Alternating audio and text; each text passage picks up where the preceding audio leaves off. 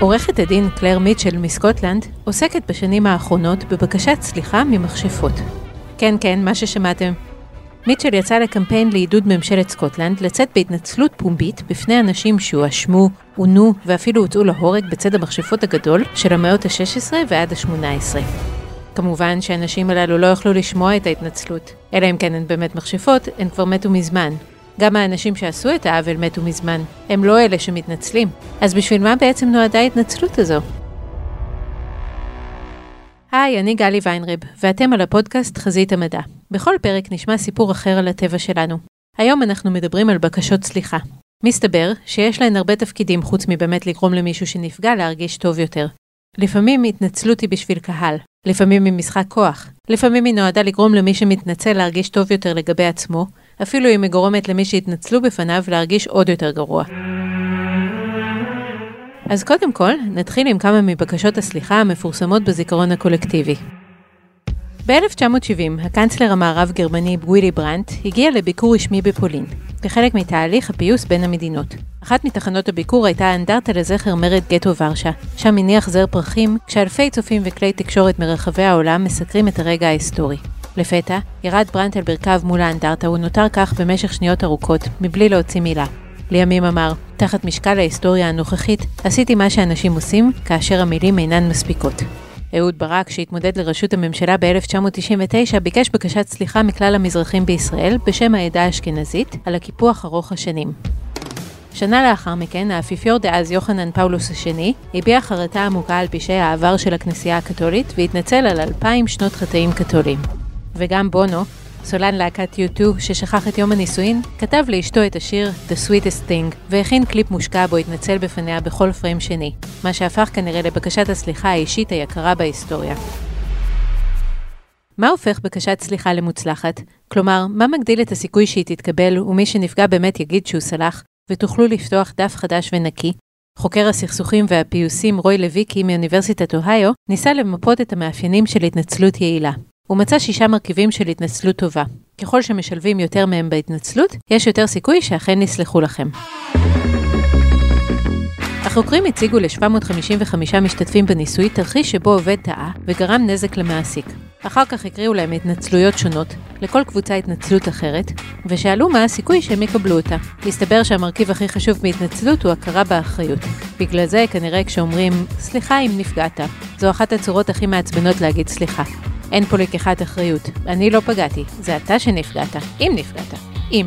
אולי זה בכלל לא קרה, אולי דמיינת את זה בכלל. הדרך הנכונה להגיד את זה, אם אתם באמת רוצים להתנצל ולא לעצבן, היא, סליחה שפגעתי. כמובן, לקחת אחריות זה לא תמיד נעים. זו כנראה הסיבה שיש סביבנו כל כך הרבה התנצלויות מתחמקות, מין התקפות בתחפושת של התנצלות. אבל אם אתם באמת רוצים את הסליחה ולא רק מראית עין, הרכיב השני אחרי זה היה הצעה לתיקון. זה אומר שבאמת לקחתם אחריות. מילים הן זולות, אבל אם מציעים לתקן את מה שהשתבש, אתם מגבים את לקיחת האחריות שלכם במעשים, שאולי גם יש להם מחיר. זה אומר שלא סתם דיברתם, אלא באמת רציתם לפייס, גם אם התיקון לא באמת מצליח לפצות על הפגיעה. מה עוד חשוב בבקשת סליחה? הבעת חרטה, הסבר מה השתבש והבטחה שזה לא יקרה שוב. חלק מן ההתנצלויות הסתיימו בבקשה מפורשת, תוכל לסלוח לי? גם האלמנט הזה הוסיף ליעילות ההתנצלות, אך רק מעט. לויקי מצא עוד משהו מעניין. גם אם פגעתם בטעות וגם אם פגעתם בכוונה, ההתנצלות היעילה תכיל את אותם שישה אלמנטים. לויקי עסק בבקשת הסליחה כחלק מפרויקט גדול יותר שלו, שבו ניסה להראות איך מתקנים אמון שנשבר לצורך יישוב סכסוכים. כשהאמון מופר, בקשת הסליחה היא רק אחד הדברים שמשפיעים על הסיכוי לפיוס אמיתי. הנפגע שואל את עצמו גם, איך היה הקשר בינינו עד עכשיו? זה בן אדם שאני מאמין לו שהוא בעיקרון איש ישר, טוב, אמין ובעדי? מה הסיכוי שהוא יעשה לי את זה שוב? כשהפגיעה קלה יחסית, נניח, השאלת ספר והוא לא חזר, הפיוס תלוי במיוחד ביכולת לראות שזה לא יחזור על עצמו. כשהפגיעה כבדה, נניח, סיפרת סוד חשוב שלי, שלא היה אמור להתגלות, פחות מתעסקים בשאלה אם זה יחזור, גם הפעם היחידה הזאת כבר מספיק גרועה כנראה. הרכיב המשמעותי ביותר במקרה הזה, היא מה דעתו הקודמת של הנפגע על הפוגע ועל מערכת היחסים. מהבחינה הזו, האמון מתבסס על קופה מלאה. שהפרה אחת לא מרוקנת אותה, היא עלולה להתרוקן בגלל הפרה חוזרת של האמון, או התנהלות בעייתית ממושכת.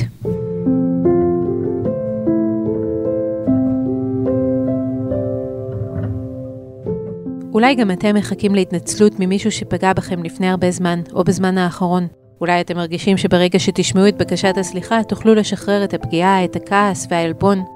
אולי אתם רוצים לוודא שהפוגע יודע שהוא התנהג בצורה אכזרית, שהוא מבין היום את מה שעשה. אולי יש לכם קול בראש שמסביר ומסביר ומסביר לו שככה לא מתנהגים, ואתם רוצים כבר חופש מהקול הזה. לכן, בקשת סליחה היא באמת חשובה, אבל לעיתים קרובות היא לא באמת מביאה את ההקלה שאנחנו מצפים לה. מחקר שהוביל פרופסור דיוויד קרמר מאוניברסיטת ארסמוס, בחן את סוגיית ההתנצלות אגב המשבר הפיננסי של השנים 2008 עד 2009. לעומת משברים כלכליים אחרים שקשה להצביע על האשמים בהם, המשבר הזה היה תוצאה ישירה של התנהלות חשבונאית לא אתית של בנקים וחברות פיננסיות. המעשים של בכירי ועובדי הבנקים הובילו להפסדים אדירים עבור הלקוחות הישירים של הבנקים. כתוצאה מזה נוצר גם מיתון במשק שהשפיע על המון אנשים שבכלל לא היו קשורים ישירות לבנקים האלה.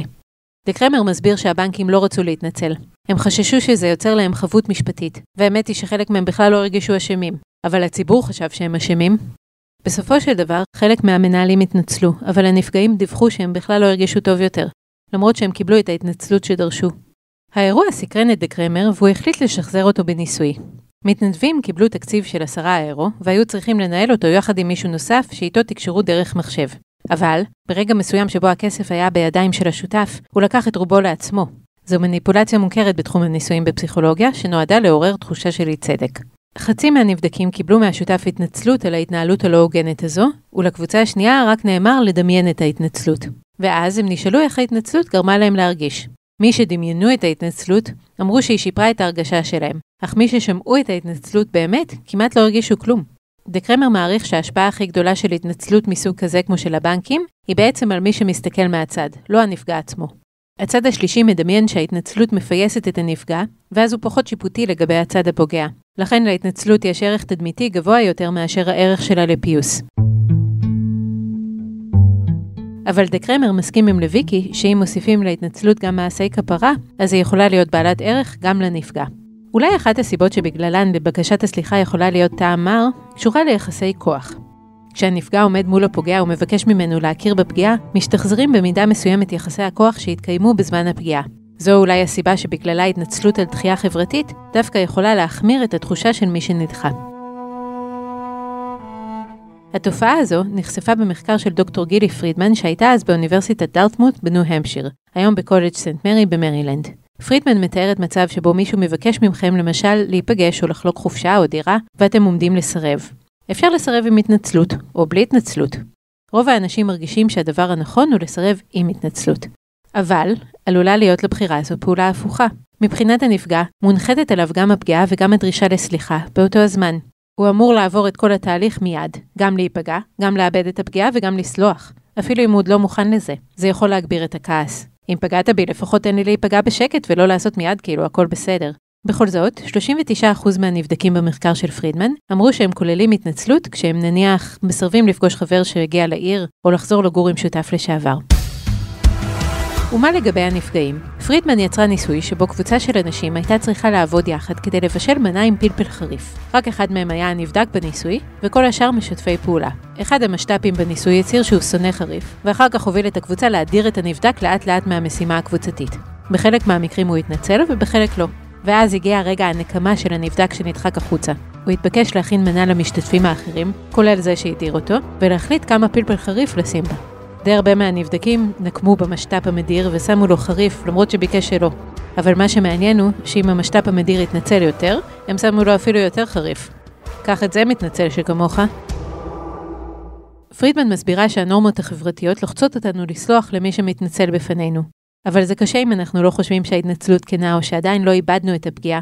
יכול להיות שלמרות שההתנצלות לא משפרת את ההרגשה של הנפגע, אולי היא משפרת את ההרגשה של הפוגע, וזו שאלה נוספת. מתי הפוגע יגיב בצורה שתאפשר לנפגע לכעוס עליו, שזה בעצם הדבר ההוגן לעשות, ומתי הוא ימהר להגן על עצמו מהכעס על חשבון הנפגע. הרעיון שההתנצלות קשורה גם ליחסי כוח חוזר במחקר שהוביל פרופסור כית סנפורד מאוניברסיטת ביילור בזוגות שנמצאים בקונפליקט. לפעמים לבני זוג יש צורך לתאר אחד לשני בדיוק בדיוק איך הם נפגעו בקשר.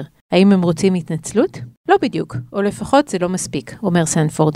כשזוגות מסבירים מה קשה להם בקשר, הדבר הראשון שהם מבקשים הוא ויתור על כוח בתחום הזה. מה זה אומר לוותר על כוח? למשל, לתת לבן הזוג לקבל החלטות עצמאיות בתחומים שונים, להכיר בחולשות שלך, להביע כבוד, וגם להיות מוכן להתפשר. סנפורד טוען שיש שתי פגיעות המובילות במערכת יחסים. אחת היא איום נתפס, כלומר מישהו שמרגיש שהסטטוס שלו או הצרכים שלו מאוימים בתוך מערכת היחסים. השנייה היא הזנחה נתפסת, כלומר הרגשה שלבן הזוג לא מספיק אכפת מהקשר.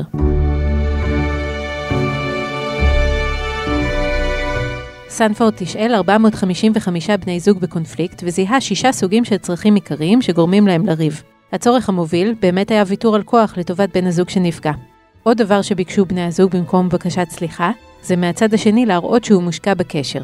אפשר לעשות זאת למשל על ידי חשיפה של רגשות אינטימיים והקשבה לצד השני, שותפות במשימות הבית ופעילויות משותפות.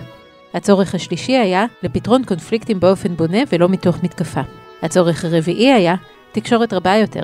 החמישי היה להביע יותר חיבה, ורק במקום השישי הופיעו דרישות לבקשת סליחה על פגיעות קודמות. סנפורד מסביר מה קורה לאדם שנפגע למשל מביקורת. אותו אדם קודם כל מרגיש שהסטטוס שלו בתוך הקשר מאוים. אולי הוא אפילו מרגיש שהסטטוס הכללי שלו מאוים, לא רק בתוך הקשר. כשזה קורה, אנחנו קודם כל רוצים שזה ייפסק, שזה לא יקרה יותר, ולא להתעסק בזה יותר. קניית פרחים, אומר סנפורד, יכולה לעזור אם הדאגה בקשר היא מהזנחה. היא לא תועיל הרבה אם המריבה קשורה בפגיעה חמורה. אז אולי כדאי שבפעם הבאה שאתם פוגעים בחבר, תוותרו על הזר.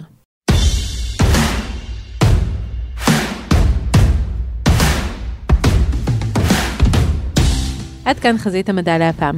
אם אתם לא רוצים להתנצל בפנינו שפספסתם פרקים קודמים, פשוט תקבו אחרינו באתר גלובס, בספוטיפיי או בכל אפליקציה שבא לכם עליה. נשמח מאוד אם תדרגו אותנו גבוה באפל פודקאסט ותשלחו את הפרק לחבר שעוד לא שמע עלינו. כך נוכל להגיע ליותר מאזינים. תודה לעורך הפודקאסטים רון טוביה ולניב בן אלי על הסאונד. אני גלי ויינרב. ביי!